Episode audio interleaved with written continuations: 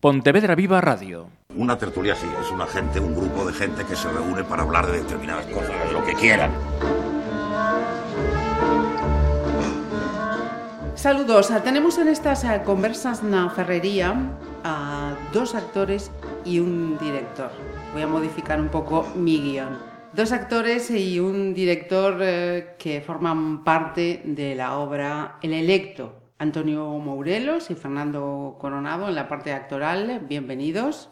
Hola. Hola, ¿qué tal? Y en la parte de dirección, adaptación, Candido Pazó, bienvenido también. Hola, ¿cómo estamos, Pontevedra? El electo, escrita por el también actor Ramón Madaula, presenta a un recién elegido presidente del gobierno que a punto de dar su discurso de investidura se enfrenta al inesperado problema de un tic nervioso y por ello se pone en manos de un psiquiatra. Fernando en el papel de presidente del gobierno y Antonio de psiquiatra.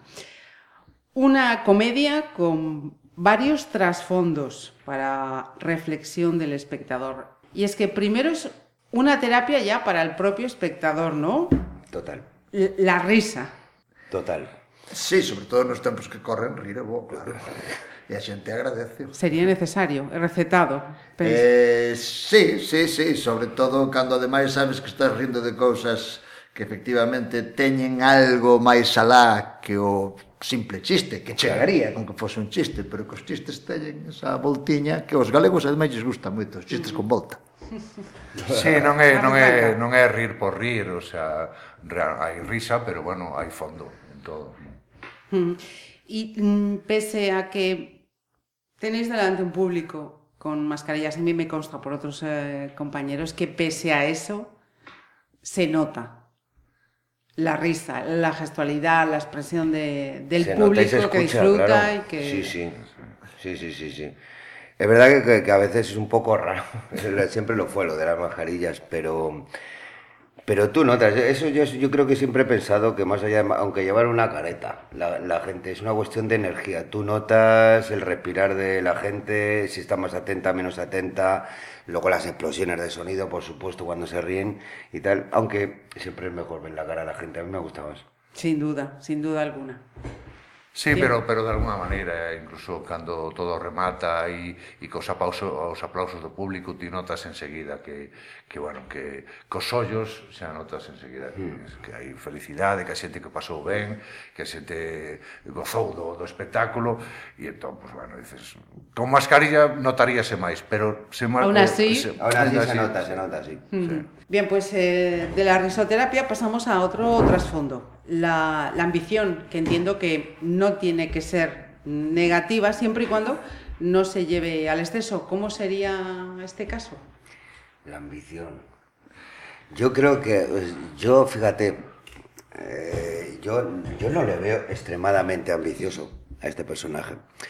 Yo lo veo como, y si tiene una especie de ambición, es una ambición eh, personal que viene dada por, pues, por un pasado de, de una familia que no que le han ninguneado de alguna manera y es casi como para demostrarse a sí mismo pues todo lo que su familia o su entorno cuando creció no, no, no, le, no, no le dio ese lugar. O sea, lo veo más como eso, más que como una ambición política y tal. No es algo más, en el caso del presidente, yo lo, yo lo tomo como algo más personal, como una cosa personal de yo tengo, yo puedo, yo llego a donde sea, eh, pero ya te digo, desde un, desde un ámbito personal, por, por, por su pasado, vamos, que no fue, uh -huh. no fue del todo agradable. Uh -huh. De todas as maneiras, eu son eu penso sempre que, que, que eh, hoxe en día, no sistema político no que vivimos, mm, un, os políticos teñen ambición e seguramente teñen que ter ambición, senón para que se meten aí, porque realmente despois é unha chamémoslle vocación, mm. profesión, chea de, de momentos ingratos, e se non houbes un motor que é a ambición que os tirase para diante, por moito que eles están obrigados a dicir sempre que é unha vocación de servicio, esas cousas, é normal, teñen que dicir isto, pero que, querendo ser honesto, pásalles como nos pasa aos cómicos, a xentes eh, da, da interpretación, do teatro, do cine, que somos vaidosos se non tivésemos vaidade, pues, para que sa, subiríamos Total, a un estrado, sí, eh, para sí. que sairíamos, nos poríamos diante dunha cámara. Eu coñezo actores e actrices que o negan, no, yo non soy vanidoso. Sí, sí, hombre, es non pasa nada, non es llevarlo al extremo del pecado, pero sí, sí, tenemos que ser vanidosos. Y el político, pues tiene que ser ambicioso. Ambicioso, sí. Y muy vanidoso. Y Antonio, ¿cómo lo ve desde la perspectiva del, del psiquiatra? Ah, ah, desde, ah, bueno, sí, sí, si me preguntas desde a perspectiva do psiquiatra, perfecto. Se me preguntas desde a perspectiva da actor, iba a decir, iba a decir, a caldeu son desos que din que non son nada vanidoso. Pouquiño, un pouquiño, pero non é a vanidade a miña. Pero bueno, que sí, desde o punto de vista de psiquiátrica, de, do, do psiquiatra. Sí, bueno, é decir, este é un político eh, que, que sí, que ten as súas cousas e a, a misión del eh, do psiquiatra é buscar, indagar, darlle voltas, para arriba, para baixo, revolvelo, poñelo, remexer, poñelo, ¿no? sí, De, remexer, desmontar, poñelo patas revolver, arriba, patas abaixo, dale la vuelta, hasta dar corre, co, uh -huh. con, con todo, ¿no? hasta, Total. hasta conseguir saber que é o que pasa dentro da súa cabeza e porque lle, porque ten ese, ese tic. Sabendo, ademais, que el sabe que o vai conseguir. O sea, que ah. tardará máis, tardará menos, pero, pero vai llegar. el é o mellor psiquiatra da cidade e como tal vai saber como chegar a ese, a ese político e a desnudalo de arriba Es É unha cuestión de tempo. Sempre que iso que dixo Fernando, de que ese político, ese electo ten esas razóns de fondo a súa familia é algo que el sabe porque o psiquiatra rañou, rañou, rañou e por iso acabou sabendo. En principio, sobre todo cando empeza a obra eh, ese personaxe non sabe para nada que que todo o que lle está sucedendo se fundamenta nunha inseguridade herdada dunha relación familiar claro. onde o ninguneaban todas esas cosas, el ao contrario, está, Ajá. como decimos en galego, cheo de fachenda. Sí, eh, sí, sí, sí. Está, uh -huh. E é o psiquiatra quen lle desmonta todas claro. as seguridades. Eh, ah, sí, es como, como es el... una fachada, el de la fachada de hombre seguro, ¿cómo, de ¿cómo tal, e y lo desmontan por completo. Como claro. esa frase que tes no personaje, me, me hace usted sacar toda la mierda para fuera. Me hace sacar usted toda la mierda para fuera, y ahora que hago yo con toda esa mierda. claro, o sea, es- sí es un poco pues esta cosa que tiene, bueno, esto es muy común, esto de una desconexión enorme con él mismo, quiere decir, eh, la, la vida sigue, le van pasando cosas, el tipo, pero no, no sabe la razón, no sabe dónde viene. Precisamente el, el psiquiatra Es el ah, que le pone- es el que le pone, le le hace profundizar, eh, no de la manera a lo mejor más eh, Ortodoxa. ortodoxa, vamos a llamarlo, y, y es de, de hecho, de ahí ya se crea muy, ya, ya, ya vierte mu mucha comedia. De, uh -huh. la, de, las formas y de la desconexión del propio presidente a, al verse con la realidad realmente. No. Hai algo moi interesante para comentar sobre as terapias, non só as terapias de tipo psicolóxico, en xeral as terapias. E é que moitas veces chegamos aos médicos eh, pedimoslle solucións, cando ás veces hai que buscar as causas. Claro. E da, de coñecer a causa acaba vindo a solución, pero a solución duradeira, non a solución momentánea. E o que fai o psiquiatra xustamente, porque o, o político que lle di dentro de mm, cinco horas, sí. non sei canto lle di, teño, horas. teño que dar un discurso, por favor, solucioneme isto. Esto ya, de ahora. Unha pastilla, de, un, de para ayer. Pero unha pastilla, sea. unos jarabes, algo, me tiene usted algo. E o psiquiatra le dice, eh, espérate. No, no, espérate que eso viene de algún sitio. deje usted de tonterías viene, viene a dar sí, usted se anunció, menos Sí, E, e isto é moi interesante, como porque, bueno, eh, hoxe en día movémonos moito de busco solucións, non busco as causas dos problemas. Claro. Uh -huh. E se as solucións son máxicas, Isto aplicaba todo, é maravilloso, cando moitísimas veces as solucións máxicas e simplistas levan a desastres peores, peores aínda que, sí. daquilo que queres solucionar. Claro. Sin duda. Se nota, se nota. Mira, el autor tamén plantea que mm, hay hechos que marcan nuestro futuro y nuestra vocación. Mm. En los casos de Fernando y Antonio, ¿qué hechos han marcado vuestro futuro y vuestra vocación? Y luego le preguntaría a Cándido, claro. Eh, personalmente, o sea, como, como naceu... Va, a ver, eh, eu é que sempre, desde que teño uso da razón, eh, a, a miña única... Eu teño fácil, a miña única paixón foi o cine. Uh -huh. Sempre. Eu creo que desde que tiña seis, sete anos que me levou o meu pai ao cine, eu non tiñen outra idea na vida, é dicir, nunca quixen dedicarme a outra cosa que non fose eh, o cine como algo moi xenérico, e despois, bueno, pois a interpretación, a interpretación pois un vai chegando por casualidade, pero eu marchei con 17 anos a Madrid a estudiar eh, imaxe e sonido, que hoxe é comunicación audiovisual, uh -huh. e dicir, con 17 anos. Dicir, eu tiña claro que me quería dedicar a isto. Non houbo...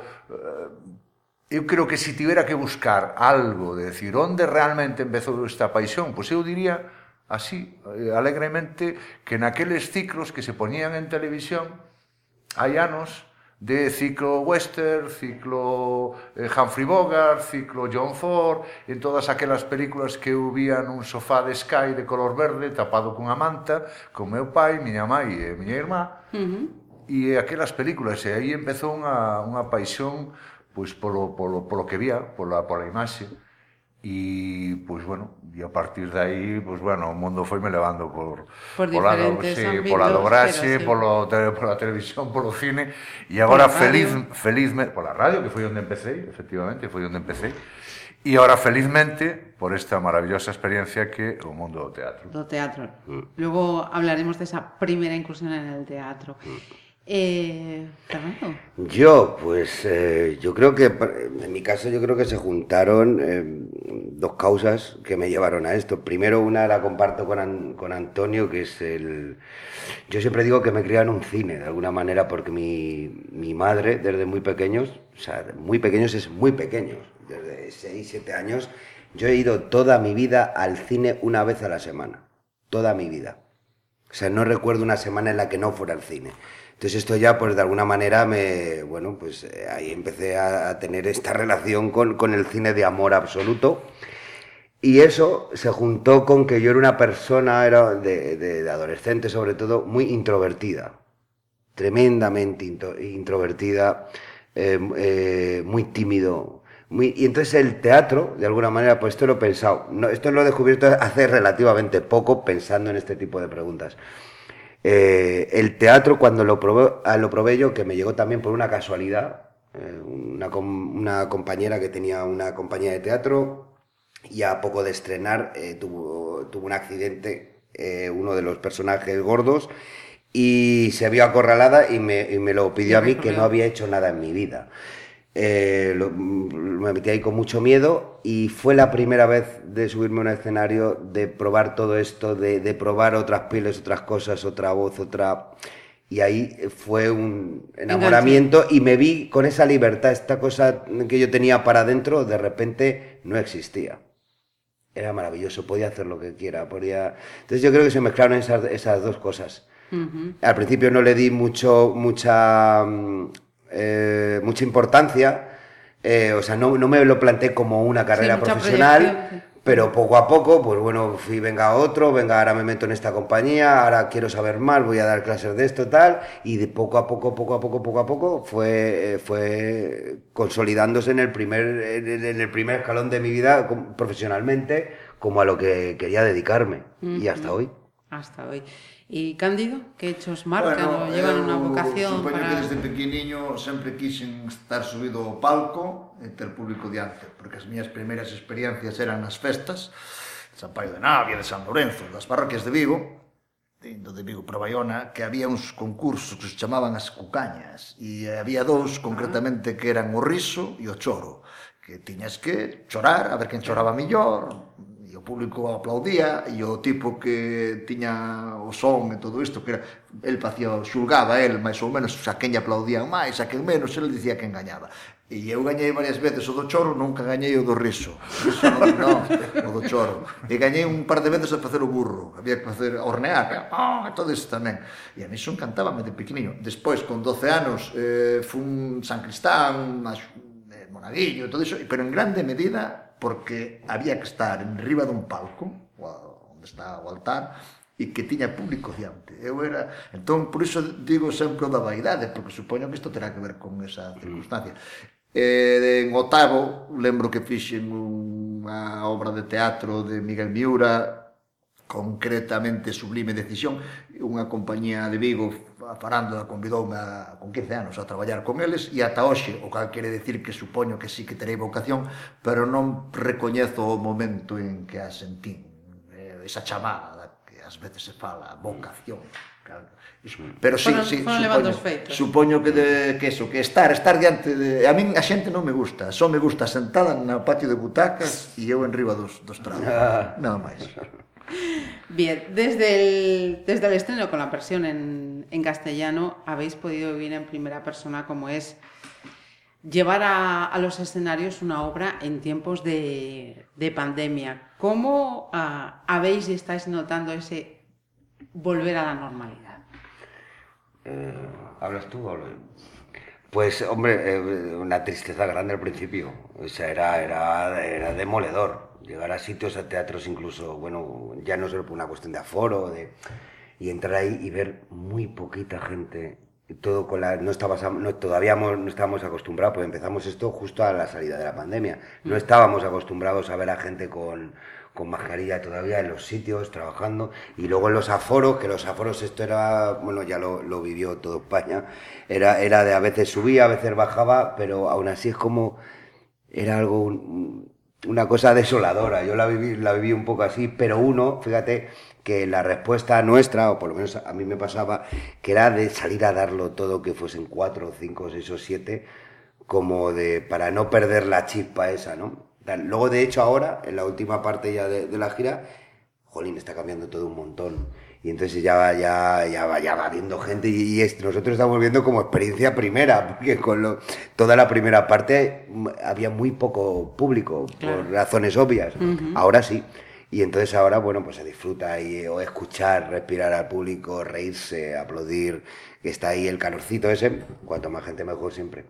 Sí, eu creo que empeza, eh, respondendo un pouco tamén ao que dicías, Eu creo que, que sí que é certo que está empezando, non o sei porque non teño máis datos que os de os desta función e bueno, os de función de das cigarreiras, que tamén outro espectáculo de contraproduccións e mm, eu si teño a sensación de que hai por un lado un certo medo, aínda hai algún pequeno reparo, pero por outro lado creo que hai unhas ganas, ganas de... enormes, enormes de, de sair, de sair a cear, sair a, a xantar, sair ao teatro. Total. Non, nos, non, non o noto tanto no cine, é curioso, no? porque eu, eu fun así algunha vez eh, ahora ao, ao cine e, e sigo vendo tan vacío ou máis que antes. Sin embargo, co teatro non sei por que me dá a sensación de non o sei, eh? pero que o mellor é que a xente necesita ter... sair, pero necesita compartir, necesita estar un con máis esa experiencia do vivo. Sí, sí, sí, do vivo e tal. Non o sei, eh, que non teño datos como para poder decir o mellor alguén chega e dime, "No, pois pues mira, o que estás dicindo é xusto o contrario. A xente vai cada vez menos." non o sei. A mí non me dá esa sensación, Ajá. pero tamén porque vimos, como dicía Fernando, vimos de, de, de, de, de unha situación de unha extrema, situación con... extrema coa xente separadísima, sí, sí. O sea, porque xa non eran as, as mascarillas. A veces parecía que non había nadie. De repente, nadie. entre un e outro había tres metros, e dices, oh, claro. Dios, uh -huh. no. Era increíble aquello. E logo despois moitas xa, eh, salías do teatro, eh, claro, xa non quedaba ninguén, todo o mundo, claro, porque había toque de queda, todo o mundo claro, marchaba. Claro, era unha cosa rarísima. Salías do teatro, ah, mirabas, desolación. Non había ninguén polas rúas.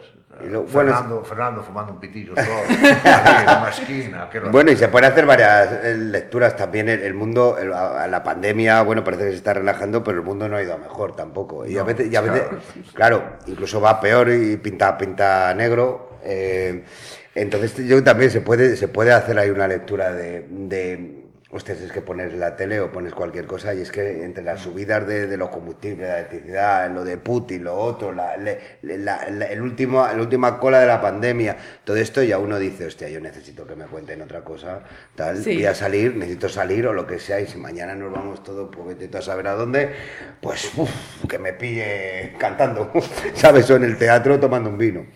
Puede ser también, no lo sé. No. Pero se nota, la cosa es que se nota la, eh, la- eh, la gente, aparte de, de los aforos, la gente de, de ir al teatro bastante. sí. La animosidad, la disposición. sí, eso es.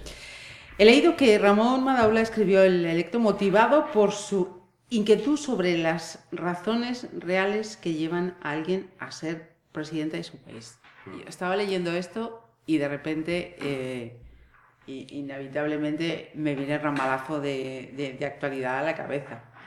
Digo, mm, pues un actor cómico que tenía bastante éxito, que le iba muy bien, un día decide hacerse político, se presenta presidente, sale presidente y ahora sabemos cómo está Zelensky. Qué putada. Total. Sí, es verdad, no había pensado yo en eso, es verdad. Tienes toda la razón, verdad. Lo de aquel es ¿Quién le mandaría a este hombre dejarse llevar por, por la motivación de querer llevar a ser presidente? Ambición. Ambición, yo Ambición? No... É unha gran pregunta que Es una gran pregunta. O psiquiatra fai esa pregunta no sí. espectáculo. Usted eh, por como es? Por qué quiere ser? Por presidente? quiere ser? Presidente? Claro. E o presidente non ten unha resposta clara, pero estou seguro que a maior parte dos políticos ou das persoas que queren ser presidentes de algo non terán unha resposta contundente, terán mm. intuicións, dirán cousas máis ou menos tópicas, pero no fondo por que se quer meter nesa lideira? Mm. Eh, en, pues en, pois ese, en, en, los... en ese jardín, en, en esos fangos. Pues. Y naturalmente que ten que haber xente que se queira meter, e moitas veces somos moi ingratos cos que se queren meter. Mm. Eh, a peza traballa moito. Es, es, eso é central, esa mm. inquietude de Ramón eh, realmente é eh, a que subxace todo o discurso metafórico do espectáculo. Do... Sí, que move, que move alguén a, de repente que mm. ver, sí. Mm. Eh, falando de, de actores, eh, me voy a salir un pouco de, del de electo, pero llevamos unha semanita intensa hablando de, de actores, eh, bueno, desgraciadamente por Bruce Willis, la, la última sí, sí. eh, posenfermedad, mm. y, y, todo lo que está trayendo la, la, gala de los, de los Oscars. Yo no os voy a preguntar por la reacción de, de, de Will, Will Smith. Smith, pero sí por otro frente, que sí. otra tajada que también se ha abierto estos días, que ¿dónde están los límites del humor? Del humor. Mm. É complicado, ¿eh? Es complicado, é muy complicado. É complicado porque ademais eu eh, creo que a o que motivou eses acontecementos que todos coñecemos, non foi tampouco algo moi faltón, para decirlo dunha maneira un pouco simplista. Incluso podías decir que puido ser, en certo modo, unha gabanza, porque con quen comparou eh, a muller de comparouna con unha actriz de éxito, unha película de éxito, entón realmente non sei onde están os límites, pero creo que este home que provocou esta ira eh, non non rozou realmente os límites do humor. No, Creo, yo, yo creo que yo creo que ahí se juntaron varias cosas. Creo creo que lo que lo- a mí es el mensaje que me llegó, ¿vale? El, eh, eh, lo que salió a, a- a la palestra de alguna manera era el dolor. Es, así lo entendí yo. O sea, el dolor que había detrás de, de- de- de esta circunstancia o esta enfermedad que está eh, que padece la, eh, la La mujer, mujer de, de- de Will Smith. Eh, para que esto haya ocurrido, más allá de que, de que es una cosa que está fuera de lugar y tal, eh, ¿qué hay detrás de esto? Entonces yo lo que entiendo es que eh, son episodios muy complicados en la parte privada, quiero decir, una Sí, mujer sí. que sufre, eh, una cosa que le está llevando, bueno, pues la está haciendo sufrir y cómo será ese dolor para que a ti, en, un, en, en el momento que tú ves que a tu mujer le, le afecta esto, ni te lo pienses un segundo y en una cosa tan, tan bestia como los Oscars, una cosa que se ve a nivel mundial, eh, te plantes en el escenario a cruzarle la cara a alguien. Yo creo que hablaba del dolor más, más ahí, más allá, no vamos a entrar ahora en el debate de juzgar o no juzgar, porque evidentemente fue una, se le fue la olla completamente bajo mi punto de vista, pero hago esa lectura que es un poco más profunda, yo la hice de, de qué habrá pasado o cómo será en la casa o cómo todo, todo, todo este viaje de ella, que, no, que se le caiga el pelo, que no pueda, qué tal, cómo se ha vivido eso. Y el Para mensaje que- para mí fue de mucho dolor para una persona que normalmente no, no acostumbra, pues si fuese a lo mejor otro personaje, nos tiene acostumbrados Sí, a, hacer a este tipo de- escenas, a sí. escenas de este tipo, sí, pero en el caso de Will Smith, Sí, es bastante blanco. De, de hecho, es lo contrario completamente. O sea, tiene, él tiene muy buena prensa en relación a un tipo majete. Tipo majete. Entonces, eso y que creo que es algo por lo que estoy leyendo, que no sé si esto sea cierto o menos cierto, que esto no es una cosa, se juntaron dos. La primera esta, la del dólar, y segundo que es una cosa que viene de atrás. Viene por otras cosas, otros momentos, otro tal, y entonces se le hizo bola, no lo pensó, y se lió, pues esto que a día de hoy todavía se sigue hablando, es increíble. Ujú. Metes en Twitter todos Will Smith, Will Sí, sí. Smith, Will Smith. Sí, sí. Eh, que por cierto también, a, a este respecto me vais a permitir que también hoy estaba le- leyendo las secuelas que siguen en referencia a la academia, ¿no? Que la academia diga, más lo tengo aquí apuntado, eh, porque decía que bueno, se da un plazo para estudiar qué sanción o qué mm. decisión va a tomar eh, en relación a un hecho traumático y profundamente impactante, tanto de ver presencialmente como por televisión. A ver, señores, eh, que estamos en marzo de 2022, que estamos asistiendo a una guerra ahí delante y me habla usted de un hecho traumático y profundamente impactante. Mm sin defender ni, ni justificar a nadie, pero... Yo esto lo veo también un poco como el estilo americano. Americano es todo a lo grande, todo, todo es así, para bien y para mal. O sea, quiere decir, eh, de repente esto se crea un estigma brutal que dice sí, que, que, está, que está sobraba, que está de más, por supuesto. Pero luego ya en la montaña, esa montaña la veo yo muy grande para lo que pasó. Quiere decir, de hecho yo creo que además porque en verdad, bueno, yo he visto las imágenes cinco mil veces, tampoco lo, le llega a dar, a dar, si le quiere dar, le da, y si le da, le hace daño y no sigue la gala. Quiero decir, es un tío que tiene la cara delante de ti, le hizo así como no querer darle o como hacer de te voy a pegar porque te estás equivocando y le acabó rozando un poco y tal. De ahí a eso que han escrito. Sí, sí. Bueno, en la moral está que cuando se, a mí me suena esto, la moral esta americana de, bueno, pues esto ha traído esta trascendencia, mira lo que dice la gente. Sí, é, eh, eh, o celo reputacional. Claro, uh -huh. sí, totalmente. E eu creo que nós temos tanto en castelán como en galego un dito para iso que é que no pecado levou a penitencia. A penitencia. E eu creo que xa está. Uh -huh. Eso es. Sí, sí. Que máis sanción. Que máis, a sanción xa tivo. Sí. Que vas facer agora? Que vas, mm. non sei, que lle van facer, unha multa... Que, claro, de, que, que vas a hacer, mm. pero, o sea, y además que non ten nada que ver, o sea, el, el, el hizo pero, su papel... No, porque además, bueno. entre outras cousas, como, como alguén propoñía de quitarlle o Óscar e tal, porque como, a mí eso me parece empecen a quitar Óscar, sí. como empecen claro, a quitar, vai quedar claro, sin nada. Es que se, porque entre sí, pedrastas, violadores e demais, creo que suman uns cantos. Sí, sí, sí, claro, sí, Oscar, estaba, o sea que... Lo que estaba pensando yo también claro, cuando... Alguén que me parece todo un cúmulo de despropósito perfectos. Sí, sí todo, total. Desde o principio ata o final. Mm. Todo, o sea, todo. E que además cada vez que hai algo, Todavía outro, outro despropósito máis. Sí, sí, sí, sí. E ao final, que resulta de todo eso? Pois pues que ao final da gala, creo que houve un Óscar para un, un español. equipo español e... Sí. Pregunta pola rúa como se chama, uh -huh. ou a quen lle den un Óscar. Bueno, la verdad es que a mí no me afectó tanto esto. Yo me quedo con la gala. Me, me, eh, a mí, de verdad, me parece todo un cúmulo de despropósitos sí. por un chiste malo, porque era malo, unha salida de vaite a saber por qué, porque nesas situacións si sí é certo que, que, que todos vivimos de alguna Bueno, todos, os que nos dedicamos a isto, todos vivimos, ao mellor, alguna situación parecida de tensión, mm. mm. de moita tensión, vai a saber en que situación persoal, anímica, física, mental eso es, eso es lo que estaba digo, ese señor para que lle dera por aí e saiu e Pues, de dónde venía, claro, de, de, de que situación venía. Claro. E despois o discurso, lamentable, é todo un despropósito, absoluto. Entón, para min é que son, son moi radical esas cousas, uh -huh. e de rascar o carallo. Sí.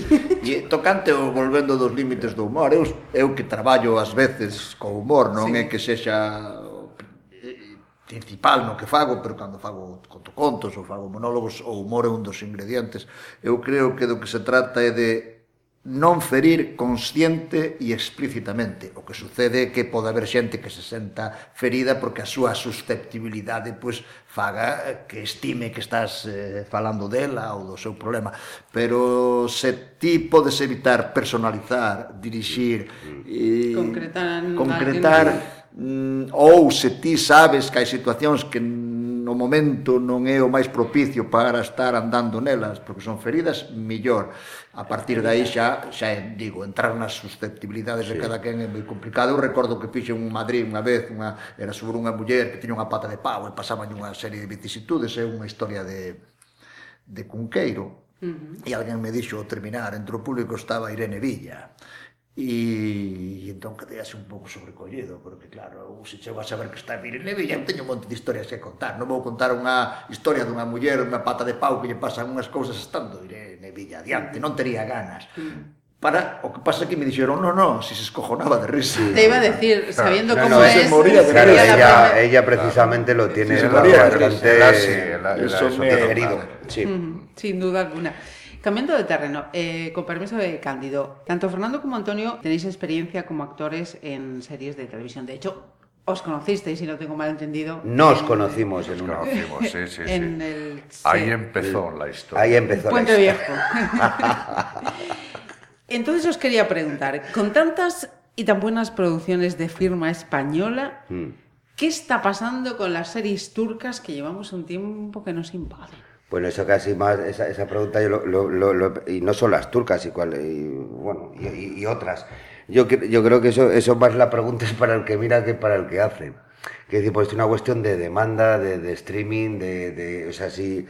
eh, y yo creo que la, yo creo que Igual esto va a sonar un poco fuerte lo que decir, pero yo creo que, a ver, es verdad que se hace en este país, bajo mi punto de vista, muy buenos trabajos y hay gente buenísima en todos los ámbitos y campos, no solo el técnico, el interpretativo, pero yo creo que, que este país tiene que dar un salto. Eso es mi opinión, un salto más allá de lo que está haciendo, lo que lleva haciendo casi casi toda la vida. Eh, mm, probar con otras cosas, otras historias. eh, dar, dar, abrir la puerta a, eh, la sabia nueva, a la, gente que, está empezando o gente que, que ha empezado de mucho y nadie ha dado una oportunidad. Creo que tiene que abrir un poco las miras.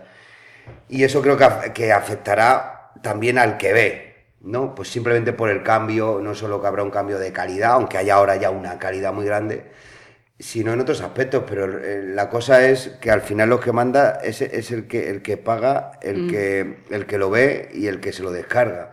Y si ahora la, eh, todo lo turco eh, está ahora en el top, Pero tú dijiste descarga. Eso, eso Sí. atañe a la televisión generalista, ¿no? No. Pregunto, te pregunto. No, no, ¿Estás no, A ver, no, no. las hay, las, hay, no, hay de todas, sí, las sí, hay sí. generalistas y las hay en las hay plataforma. pla- Plataforma. Y, y cuando, y tú ves, o sea, eh, igual, esto es- creo que eso lo hace Netflix, este, esta cosa de poner esta lista del 1 al 10. Sí, esta semana, Eh, eh, sí. esto es simplemente por streaming, descarga de streaming, no es porque sea ni mejor ni peor que ninguna. Bueno, pues hay una que creo que es colombiana, que yo creo que lleva, o sea, yo roto todos los récords, lleva cinco meses número uno, y tú dices, eh, bueno, pues esto tiene que ser eh, el padrino, voy a verlo, me estoy perdiendo algo. Bueno, pues eh, está, está bien, no es mi rollo, y digo, pero bueno, pues si esto le gusta a la gente ahora, pues fantasía. No lo sé, creo que tiene que ver con, con más con, con el que ve que con el que, con Con el el que, que hace. escoge, ¿no? Sí. Antonio, tamén... Sí, no, bueno, é, eh, eh, é que eu non sei, non sei realmente que, que responder de entrada porque nunca vi ningún minuto de, de, de, de esas series. Uh -huh. Entón non sei que, cal pode ser a, a razón. Iso por un lado, despois que... Eh, bueno, moitas veces esa, esa, eso que se falaba xa de, de nos anos 70 cando eu estudiaba de el público ve lo que quiere ou el público ve lo que le dá. Lo que es... No, entón, Claro, non o sei realmente. Hai moitas opcións? Sí, hai moitas opcións e a xente pode coller e cambiar e, e ten eso plataformas, pero sempre hai unha maneira de que mm, de que te marquen, de que de que haxa algo ou alguén que che diga, "No, tú tes que ir por aquí." E agora mm, vas ver eh, de televisión turca, porque nos interesa que o vexas. E entón, pois, bueno, eh, eu creo que, además, Fernando e eu xa temos discutido sobre isto e non estamos de acordo. Eu non me creo nada desa lista de 10. Nada. Uh -huh. O sea, esa lista de 10 non responde a datos, eh, estou convencido. Yo a no me la datos- creería viendo, vi- pero Pero viendo el creo. número uno que hay ahora, me la tengo que creer, porque si no me, si no me la creo ya estamos hablando de otra cosa. E entón, desde eh, que, que, que pode ser efectivamente que, que funcione, pero que o mellor, si en vez de ser turcas son indias, que será o seguinte paso. Uh -huh. Decir, será, son brasileiras brasileiras, sí, verdad, no seu, no seu día, efectivamente. Entón, se si de repente, de repente interesa porque son baratas, porque son... Si hai intentos, ademais, tú miras as fines de semana e todas as producións son todas alemanas. De, de TV ah, Movies da tarde. Son todas... En abierto hablas sí, eh, sí, de, de sí, la sí, tele, sí, sí, sí, eso es verdad. Todas alemanas. Eso, basado embargo, en hechos reales, ¿no? Ninguén di que, ninguén di que se está en vendo, hechos reales, que toda se está Alemania. vendo que as televisións que as eh, TVMUs alemanas están, lo están petando, no. Uh -huh. Pero todas son... Sí, sí, sí, sí cierto, Porque son cierto. todas compradas e todo interesa e hai que, hai que uh -huh. E todo interesa as turcas, ata que deixen de interesar. Claro. Punto. O sea, e entón dirán, oh, a xente deixaron de, de, de gustarlle as series turcas. O non, O mellor é que deixou de interesarnos de mercar, que... mercar series turcas e agora vamos a por outra cousa e a xente uh -huh. engancharase a outra cousa. Uh mm-hmm. -huh. Non sei, é, é, é moi complexo e, e tal, por exemplo, pero... Pobriña está na casa sempre, ten 93 anos e mira series turcas que son os que saen pola televisión. E certamente eu pues, tive sentado con ela algunhas veces e mirei esas eh, capítulos e todo isto. E, bueno, en termos de recepción son moi sinxeliños, cos eh, argumentos moi claros, o guapo é guapo, feo feo, malo é malo, é bo é bo. E para certo tipo de, de público realmente pues, son series eh, fáciles, series cómodas para consumir a certas horas. Por iso eu preguntaba, porque, porque eu ignoraba, si era únicamente un fenómeno de televisión, de despois de comer, mm. generalista, pero si tamén está no, no, en plataformas... Si no, está en plataforma...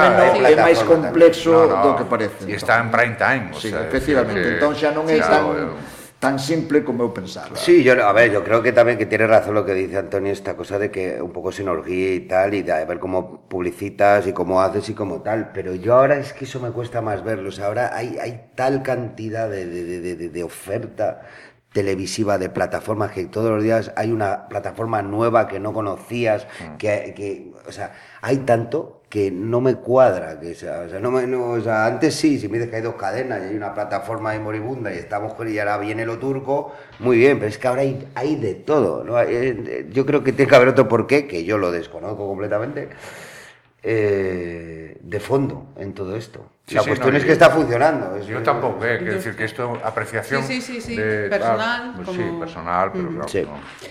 Volviendo al electo, eh, esta semana ha tocado Vigo y Pontevedra. ¿Y dónde estáis en próximas fechas? Cha, cha, cha. Esta Yo había visto La Laguna hoxe- todavía para- Esta función de hoxe é a última. Non sabemos se a derradeira. Aclaremos ya, Fernando, que en gallego distinguimos último e derradeiro. Último é lo último dunha serie e derradeiro é lo definitivo. Entón sabemos que é la última de, de, de barreiro? derradeira. Derradeiro. Creo sabemos que derradeiro que todavía todavía non lo sabemos si es la Pero última seguro. La última de la tanda de las sí. que por España adelante, incluída Ceuta, pues sí. eh, polo de agora é Mm, habrá unha tanda nova, unha xeira nova en galego, pero xa será cunha versión distinta. Xa xa houbo antes sí, de empezar, previamente xa houbo, previamente, e retomaremos esa xeira. Si non está fechado nestes momentos, pero temos que considerar que iso, que polo menos última eu, e se cadra tamén a derradeira, sí. Uh -huh. Adiós, o sea que Pontevedra ten Sí. A responsabilidade... O orgullo, sí, eh, é verdad que rematamos todo parece, vamos, sí. pode rematar esta historia de, eh, de, del de electo en, en Castelán que pode rematar aquí, en Pontevedra. Mm. Pois pode ser a última da función.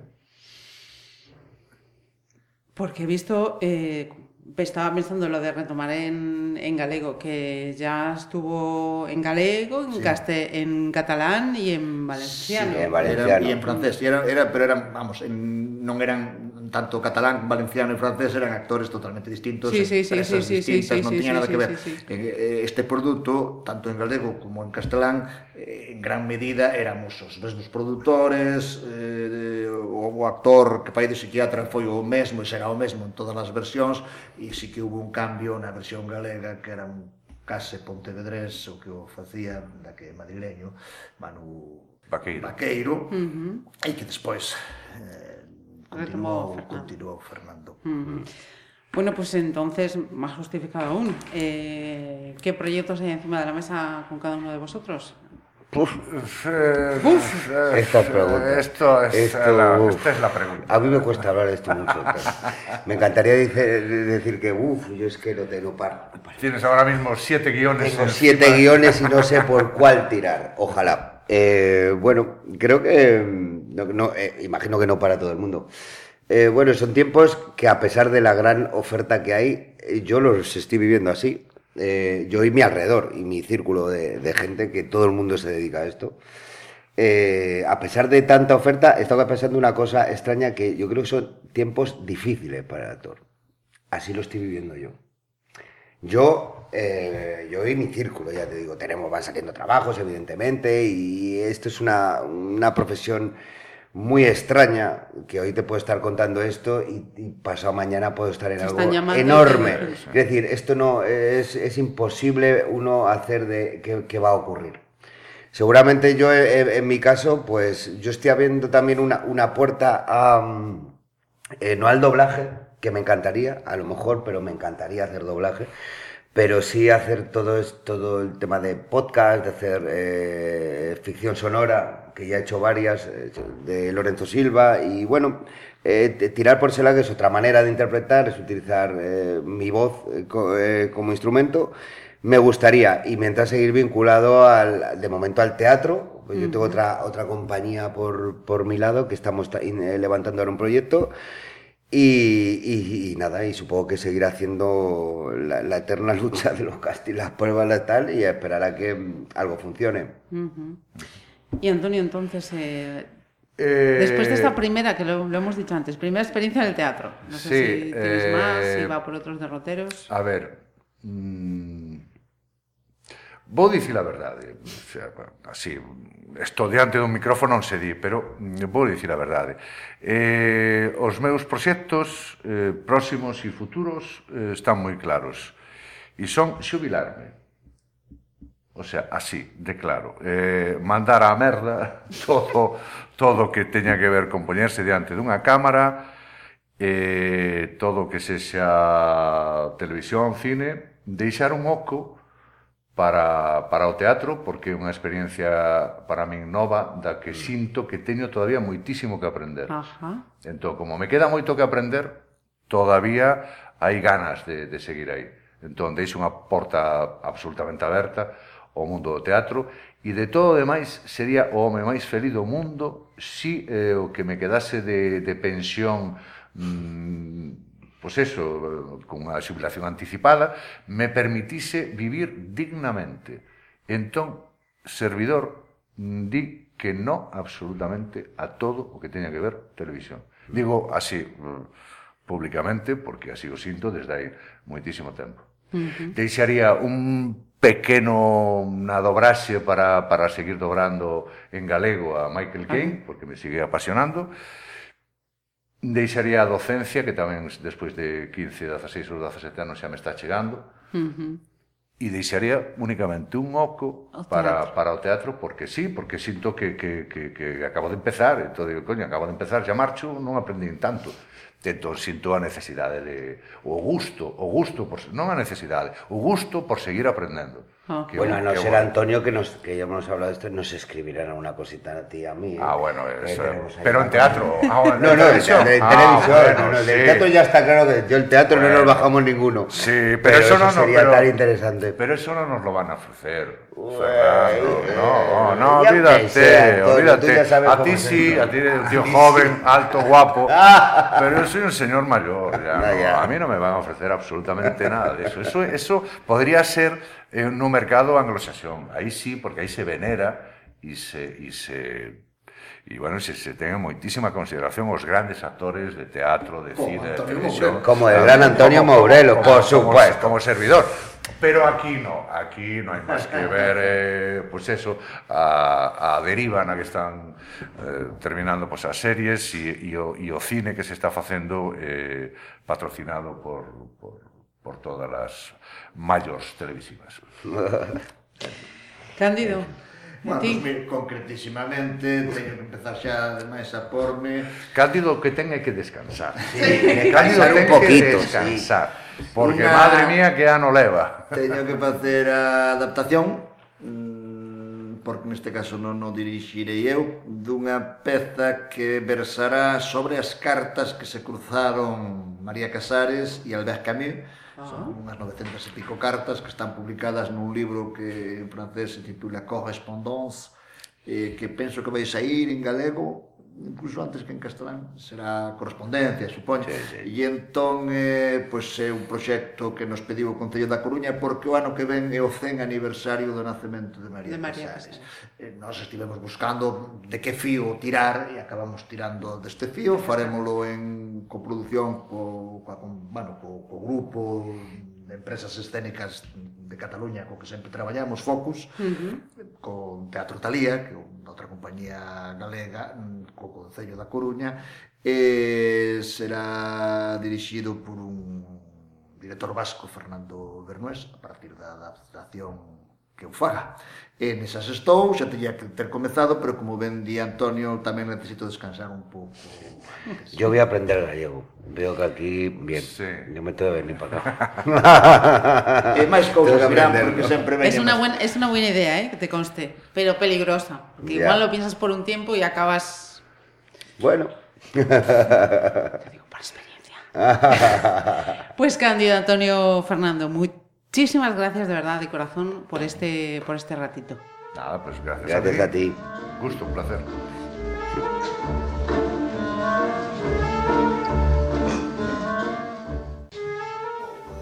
¿Le han practicado alguna vez la presión testicular?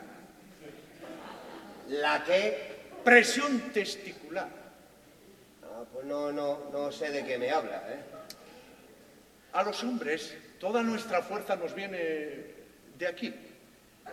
Es muy importante que en algún momento de nuestras vidas alguien nos agarre los testículos y los someta a una fuerte presión. Pero que lo dice en sentido metafórico, No, ¿no? no, no, lo digo en sentido literal. Es el despertar de nuestra virilidad. Ah, pues, pues no, no, eh, no, no, nunca me lo ha practicado, no, se lo digo. No, Lo suyo es que te lo haga tu padre de pequeño, pero si no fue el caso... no, no fue el caso, se lo aseguro. Tenemos que buscar a alguien que Sí, se lo pero haga. ya si, si es otro día... Hoy mismo. Hoy. Sí, así que ¿tiene por ahí alguien a mano que se lo pueda hacer? Eh, su mujer, un amigo, el tal Morata ese. Mo- ¿Morata? No, no, no, no, no, no, no, no, no. Si quiere se lo puedo hacer yo. Usted, no, no, no, no, no, no, no, no, no, no, tranquilo, no. Otro día, con más tiempo me lo pienso. Para mí- No, no se preocupe por mí, de verdad. Para mí es pura rutina No, que no, que profesional. no, que no, que no, hombre, que no. Hay muchos pacientes que me lo piden.